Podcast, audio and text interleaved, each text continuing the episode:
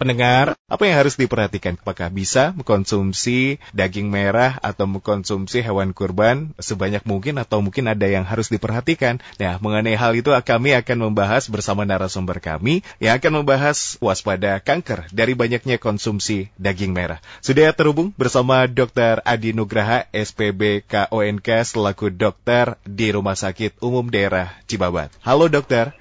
Halo Kang Regi, ya. Assalamualaikum warahmatullahi wabarakatuh. Waalaikumsalam warahmatullahi wabarakatuh. Dokter, apa kabar dok? Sehat? Baik, Alhamdulillah. Dokter, terima kasih nih telah menyempatkan waktunya untuk bergabung bersama kami bersama Dokter Adi Nugraha. Pada kesempatan hari ini kita akan membahas apakah ini harus ada yang diperhatikan bagaimana kita juga mengkonsumsi daging merah. Ternyata ada faktor resiko, terutama mengenai waspada kanker dari banyaknya konsumsi daging merah. Tanggapan dokter terkait informasi kalau WHO mendaftarkan daging merah terutama daging merah olahan sebagai karsinogen manusia dengan kemungkinan semua daging merah ini bisa menjadi penyebab kanker, dok. Silakan. Ya, jadi yang perlu diperhatikan, artinya bukan tidak boleh mengkonsumsi daging merah, tetapi tidak boleh berlebihan. Satu, yang kedua adalah terutama tadi Kang Regi bilang daging merah olahan. Ya, daging merah olahan itu adalah daging merah yang diawetkan. Hmm. Seperti sosis, ham, bacon, nah atau daging yang diasap itu lebih beresiko dan juga nanti cara pengolahan daging merahnya itu sendiri yang harus diperhatikan juga itu Kang. Baik Dokter Adi, terima kasih penjelasan untuk mengawali perbincangan kita pada kesempatan hari ini. Jadi itu yang ditekankan pendengar ya, daging merah yang diolah demikian begitu ya Dokter. Nah dok ya, ini benar. kaitannya dengan kanker karena kita harus juga mewaspadai itu apa? Ya, yang pertama, sebenarnya kalau kanker itu penyebabnya adalah multifaktor, ya. Bisa faktor dari dalam tubuh sendiri, misalnya faktor genetik, dan faktor dari luar tubuh. Nah, dari luar tubuh bermacam-macam. Itu eh, ada zat-zat yang disebut zat karsinogenik, zat yang bisa merangsang terjadinya kanker. Itu bisa dari virus, dari bakteri, kemudian dari zat-zat yang bisa menyebabkan terjadinya perubahan sel. Nah itu disebut uh, zat karsinogenik, misalnya zat pengawet, formalin, dan zat-zat yang ada salah satunya di makanan. Jadi memang makanan ini salah satu faktor. Jadi penyebab kanker sendiri itu uh, multifaktorial banyak sekali. Nah dari makanan ini mm -hmm. kita harus waspada yang disinyalir menjadi salah satu zat karsinogenik adalah makanan daging merah yang pengolahannya tidak baik ya. Yang pertama adalah pembakaran dalam suhu yang tinggi dan dalam jangka waktu yang lama. Mm -hmm. Contohnya daging merah yang dibakar sampai mengarang itu akan menyebabkan menghasilkan zat yang disebut heterosiklik amin atau polycyclic aromatic hidrokarbon. Nah, zat ini merupakan zat karsinogenik. Yang kedua, konsumsi daging merah yang terlalu berlebihan setiap hari itu pun disinyalir bisa merangsang terjadinya kanker. Jadi, yang dianjurkan itu adalah sekitar 70 gram per hari maksimal untuk konsumsi daging merah. Bahkan kalau yang sudah terkena kanker, dianjurkan lebih rendah lagi, sekitar 20 sampai 50 uh, gram daging merah yang bisa dikonsumsi. Uh, begitu. Jadi kalau konsumsi daging merah setiap hari dalam jumlah yang banyak, mm-hmm. itu uh, kanker yang disinyalir bisa terjadi banyak sekali itu salah satunya kanker usus, yeah. kanker lambung, kanker pankreas, kemudian kanker payudara, kemudian kanker prostat, kanker buli-buli dan yang lain-lain.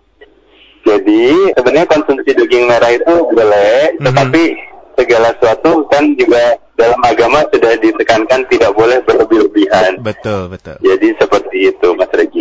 Baik, Dokter Adi, terima kasih. Jadi saya garis bawahi tentunya kalimat terakhir bahwa segala sesuatu yang berlebihan ini juga tentunya tidak baik ya dok ya. Dan ini termasuk konsumsi daging merah juga. Lalu apa yang selalu salah dalam artian masyarakat terutama menurut sudut pandang dokter bahwa tentunya ini masyarakat terlalu berlebihan? Biasanya apa dok yang selalu salah dan tentunya memiliki resiko tersendiri? Tidak hanya mengenai faktor resiko kanker tapi faktor resiko kesehatan lainnya dok. Oke faktor risiko yang lain seperti penyembutan pembuluh darah karena mengkonsumsi lemak Ya. jenuh yang Hmm. berlebihan yang ada di daging itu sendiri. Mhm.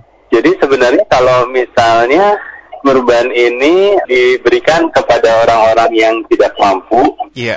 yang sehari-harinya memang jarang makan daging, ya sebenarnya bagus karena di dalam daging merah pun itu banyak terdapat asam amino esensial. Baik. Asam amino esensial adalah asam amino yang memang tidak bisa dibuat di dalam tubuh manusia. Jadi kita Mhm. memang butuh asupan dari luar. Tetapi kalau misalnya orang yang memang sehari-harinya sudah makan daging, Iya. pada saat hari kurban ini malah makan terlalu berlebih-lebihan juga, Hmm. ya itu yang eh, menambah resiko. Jadi kalau hari kurban ini, kalau hikmahnya kita kan untuk berbagi dengan yang jarang makan daging, yang tidak mampu, itu Hmm. itu malah, malah, malah bagus karena meningkatkan gizi dari masyarakat yang memang kurang mampu begitu. Iya, tentunya Kemudian- di ya silakan dilanjut dokter, silakan. Ya, satu lagi untuk pengolahannya. Jadi, eh, listener, Mhm. pengolahannya perlu diperhatikan kalau membakar atau grill itu jangan sampai dia mengarang karena arangnya itu nanti itu yang asam amino kemudian bereaksi itu menjadi heterosiklik amin atau polisiklik aromatik hidrokarbon itu yang merupakan zat karsinogenik seperti itu. Cara pengolahan terutama yang dibakar begitu yang harus diperhatikan, dokter. Benar. Kalau yang seperti diolah lain, misalkan mungkin kalau di sate itu masuknya ke bakar juga. Dibakar. Hmm. Ya. Nah, ada satu tips nih. Apa, Dok? kalau misalnya untuk kayu arang biasa itu berbeda dengan kalau kita pakai arang dari batok kelapa. Nah, sekarang itu eh, arang dari batok kelapa itu mempunyai titik panas yang tinggi tanpa apa namanya sehingga kalau kita bakar pakai batok kelapa itu lebih bagus karena panasnya meresap sampai ke dalam jadi bisa matang sampai ke dalam tanpa di luarnya mengarang seperti itu. Jadi kalau zaman dulu kan bisa dari batok kelapa, tapi sekarang sudah diproduksi kayak kotak-kotak cube begitu dari batok kelapa. Itu Mhm. ada di toko-toko. Itu jauh lebih aman. Lebih aman. Itu tips yang juga bermanfaat sekali untuk kita saat ini ya, Dok. Iya benar. Apalagi dokter eh, pengolahan yang biasa selalu ada di momentum Idul Adha selain dibakar atau mungkin ya itu tadi pengolahannya seperti di sate atau kalau gulai-gulai dokter atau mungkin di mana Oke, lagi di kalau di dalam jurnal sih memang mungkin karena di luar negeri nggak ada gulai, belum kita belum meneliti tentang Oke. gulai dengan rendang ya.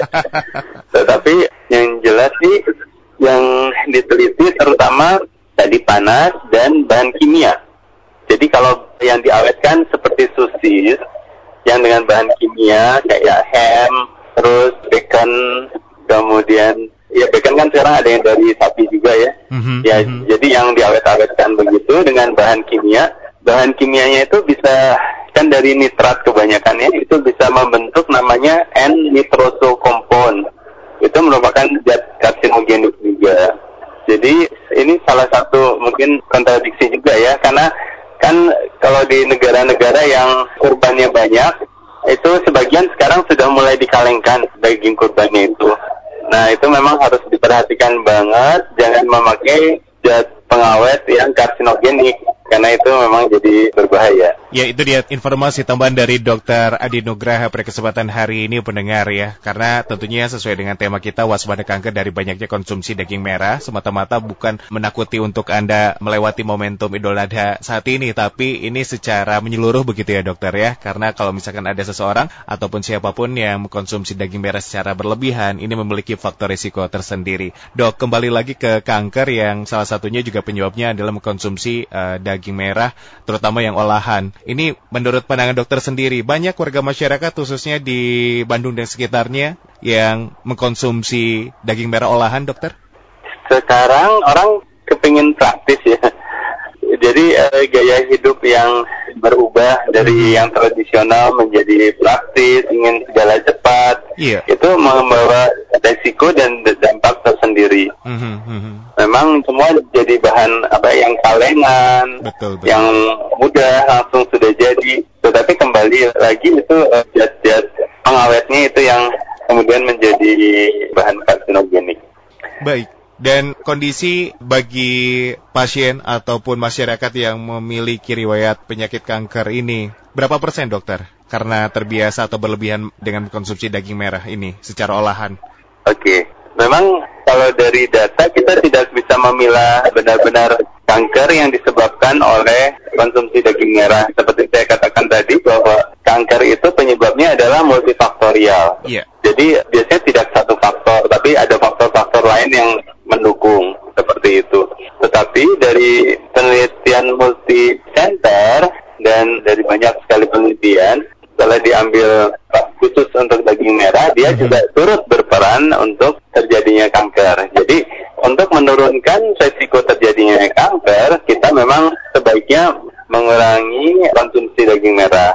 Kalaupun kita mengkonsumsi daging merah, tentu uh, itu memang perlu karena Allah menciptakan berbagai macam makanan pasti dengan manfaatnya sendiri-sendiri. Tetapi kuncinya tadi tidak boleh berlebih, Iya. sebaiknya tidak lebih dari 70 gram per hari. Dan kalau baca di terjemahan jangan salah karena kalau di Inggris itu o- ons ons itu kan ditulis ada berapa literatur tidak boleh lebih dari 18 ons. Onsnya itu bukan ons Indonesia atau ons Belanda. Kalau satu ons Indonesia itu 100 gram. Tapi kalau ons Inggris itu adalah tulisannya OUND itu sebesar 28,35 gram. Jadi jangan langsung diterjemahkan ons Inggris ke dalam ons Indonesia. Jadi kalau diterjemahkan, wah ini masih aman karena bisa boleh sampai 250 gram kalau dipindahkan ke ons Indonesia. Tapi sebenarnya itu adalah ons Inggris. Jadi kalau ons Inggris itu satu hari tidak boleh lebih dari eh, 70 gram.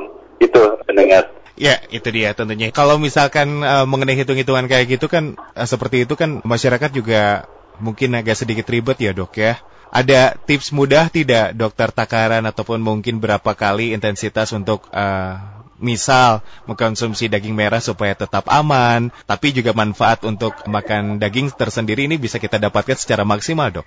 Ya, 70 gram gimana ya? Kalau makan daging empal gitu ya, Iya. daging empal Mhm. satu kotak itu ya, antara sekitar 50 gram ya, 40-50 gram. Jadi Mhm. bisa pagi dan sore misalnya. Mhm. Tapi satu empal yang kecil. Tapi kalau steak, kalau kita beli steak di restoran kan itu bisa ada 100, ada 200, ada yang 250 bahkan. Seperti itu. Kita kan bisa minta. Jadi kalau udah makan steak di restoran yang 100 gram itu mungkin dua hari sekali. Apa nggak boleh lebih dari itu? Oke. Seperti itu. Baik, itu dia. Ya, kalau mempermudah eh, gambaran untuk Anda pendengar ya yang sudah disampaikan oleh Dokter Adi. Nah, Oh dari iya Mas, Regi, kalau Apa? Sosis itu eh, Hmm. sebaiknya satu, tidak boleh lebih dari satu. apa, Dok? Kalau sosis, Oh, sosis. Oke. ukurannya Oke. eh, untuk satu hari.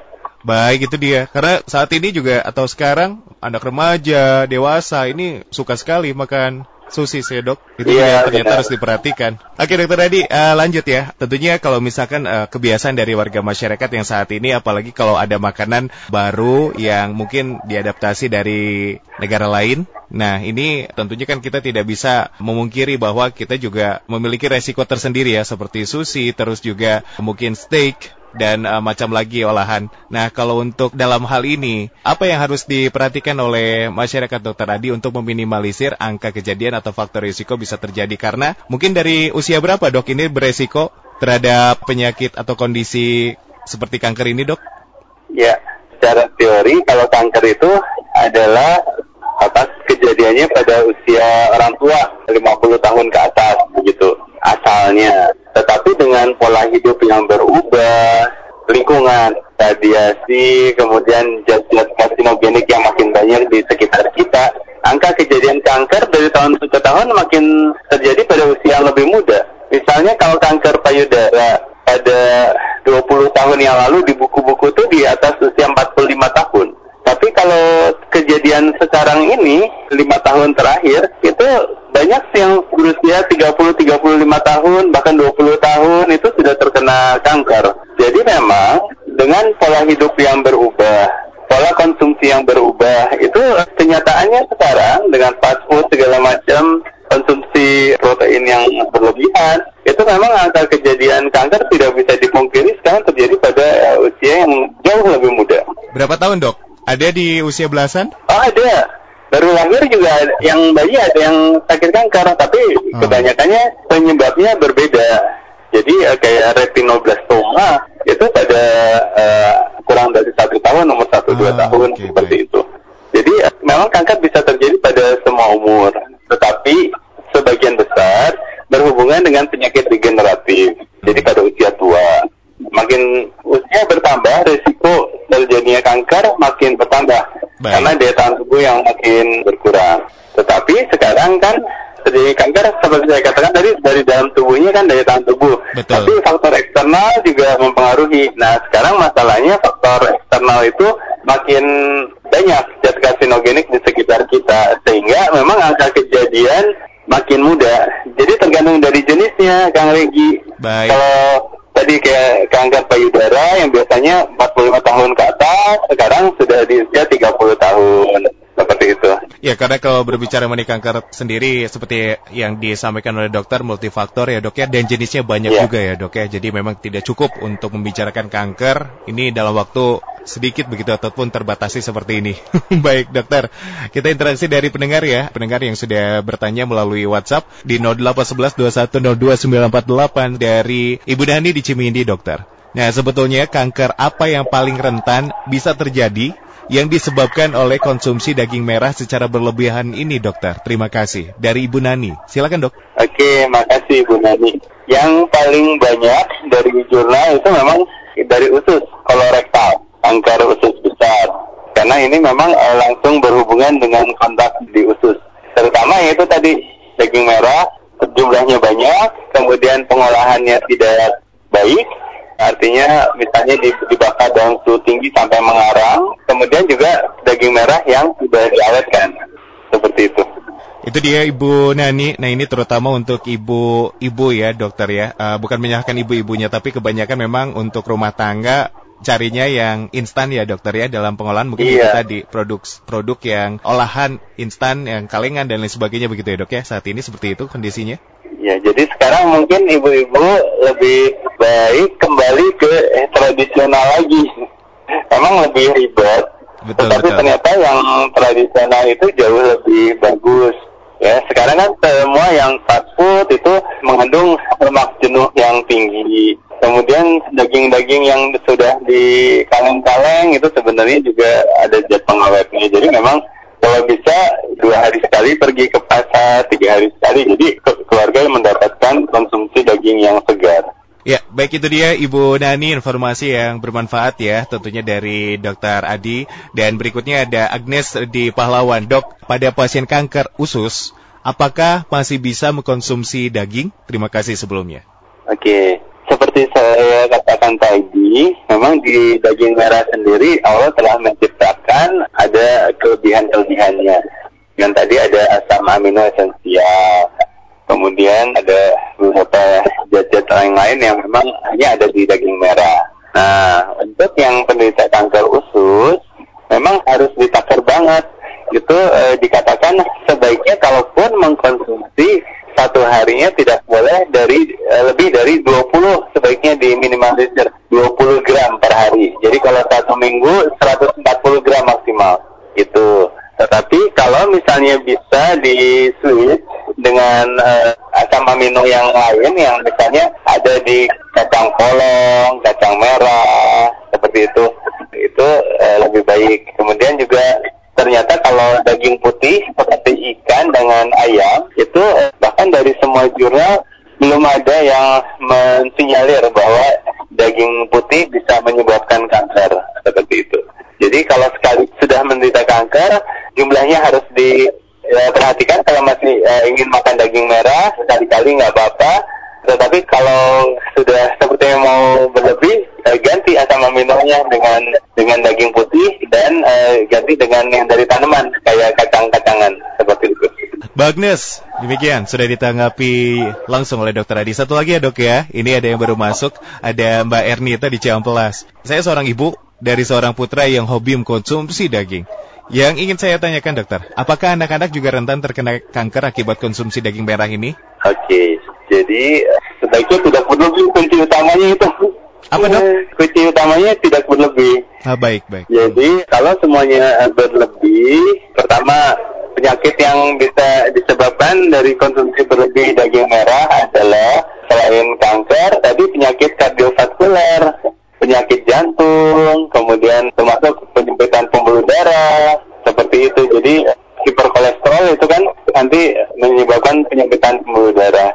Seperti contohnya kalau daging merah itu banyak kandungan lemak jenuhnya lebih tinggi dibandingkan dengan daging putih.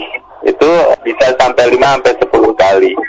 Kalau bisa digantikan misalnya dengan ikan, ikan salmon itu bagus sekali. Kalau ikan salmon justru banyak mengandung omega 3. Omega 3 malah menjadi anti terhadap penyumbatan pembuluh darah. Seperti itu. Ya, itu dia tentunya diingatkan oleh dokter Adi, jangan sampai berlebih, terutama mengkonsumsi daging merah ini ya dok ya. Benar. Sebetulnya ada manfaatnya ya dok ya, tapi kalau berlebih Oh, juga... ada, ada jelas uh, Allah menciptakan segala sesuatu itu pasti ada manfaatnya. Iya, iya. Hanya memang jangan berlebih. Jangan berlebih, jangan berlebih. Itu oh, sudah diingatkan. Terutama memang godaannya kalau di Idul Adha ini kan memang melimpah ya dokter ya. Kiriman daging dari yang menunaikan ibadah. Tentunya ya ini tidak akan habis satu hari begitu ya dok. Ini mungkin akan ada beberapa hari. ada Mas Regi. Apa dokter Kuncinya silakan. berbagi. Kalau kita yang sudah setiap hari konsumsi daging yang banyak ya jangan makan banyak-banyak lagi kan kita sudah biasa makan daging tidak kekurangan protein. Betul betul. Sedangkan banyak saudara-saudara kita yang membutuhkan. Jadi ya harus kita lebih kasih kepada saudara-saudara kita yang seminggu mungkin makan daging hanya satu kali. Mereka memang butuh. Kalau kita yang setiap hari makan daging ya nggak boleh. Sudah cukup. Berbagi kuncinya begitu ya dokter ya. Itu juga Iya, benar. tentunya nanti dapat bonus pahala lagi kalau terus dibagi-bagikan kepada yang Benar. membutuhkan. Baik, dokter Adi terima kasih itu poin tambahan yang telah disampaikan kepada pendengar pada kesempatan hari ini. Dokter terima kasih juga telah menanggapi interaksi dari pendengar yang sudah langsung bertanya kepada dokter Adi. Dan berikutnya dok sebagai penutup untuk perbincangan kita pada kesempatan hari ini, apa yang ingin disampaikan untuk closing statementnya? Dokter silakan. Pertama kepada semua pendengar selalu sehat. Berhubungan dengan wabah corona ini belum berakhir. Jangan santuy dulu, masih harus pakai masker, jaga jarak, seperti itu. Dan untuk daging merah ini tidak perlu takut, yang penting tidak berlebih, jumlahnya dibatasi. Kalaupun makan daging merah, kombinasikan dengan sayur-sayuran, buah-buahan, dan makanan-makanan yang berserat. Dan usahakan jangan banyak makan yang diolah. Maksudnya diolah, diawetkan kayak sosis, ham, seperti itu. Lebih baik yang segar. Dan kalau dibakar juga jangan sampai mengarang. Jadi lebih baik panas apinya tidak terlalu besar. Jadi kepanasnya sampai ke dalam, di luarnya tidak mengarang. Seperti itu. Itu saja dokter yang disampaikan sebagai penutup pada kesempatan hari ini. Terima kasih dokter Adi Nugra telah menyempatkan waktunya untuk bergabung bersama kami dan insya Allah apa yang disampaikan juga bermanfaat untuk kita semua dokter. Salam untuk keluarga di rumah ya dok ya. Selalu Ya, jaga terima kesehatan. kasih. Sama-sama dokter. Mudah-mudahan nanti di lain kesempatan kita bisa bergabung kembali ya dok ya. Amin. Insya Allah. Amin. Dokter terima kasih. Demikianlah perbincangan kita pada hari ini bersama Dokter Adi Nugraha, SPB KONK selaku dokter di Rumah Sakit Umum Daerah Cibabat yang telah bergabung di Fit for Life. Berikan informasi untuk Anda mengenai waspada kanker dari banyaknya konsumsi daging merah.